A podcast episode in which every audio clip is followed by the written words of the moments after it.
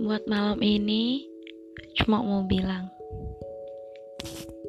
you are what you think and you are what you believe. Lo apa yang lo pikirin dan lo apa yang lo percayai.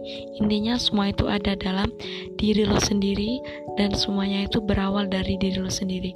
Keputusan lo mau seneng lo mau lo mau bahagia itu semua tergantung pada diri lo sendiri bagaimana cara lo ngadepin keadaan sekitar lo intinya seperti itu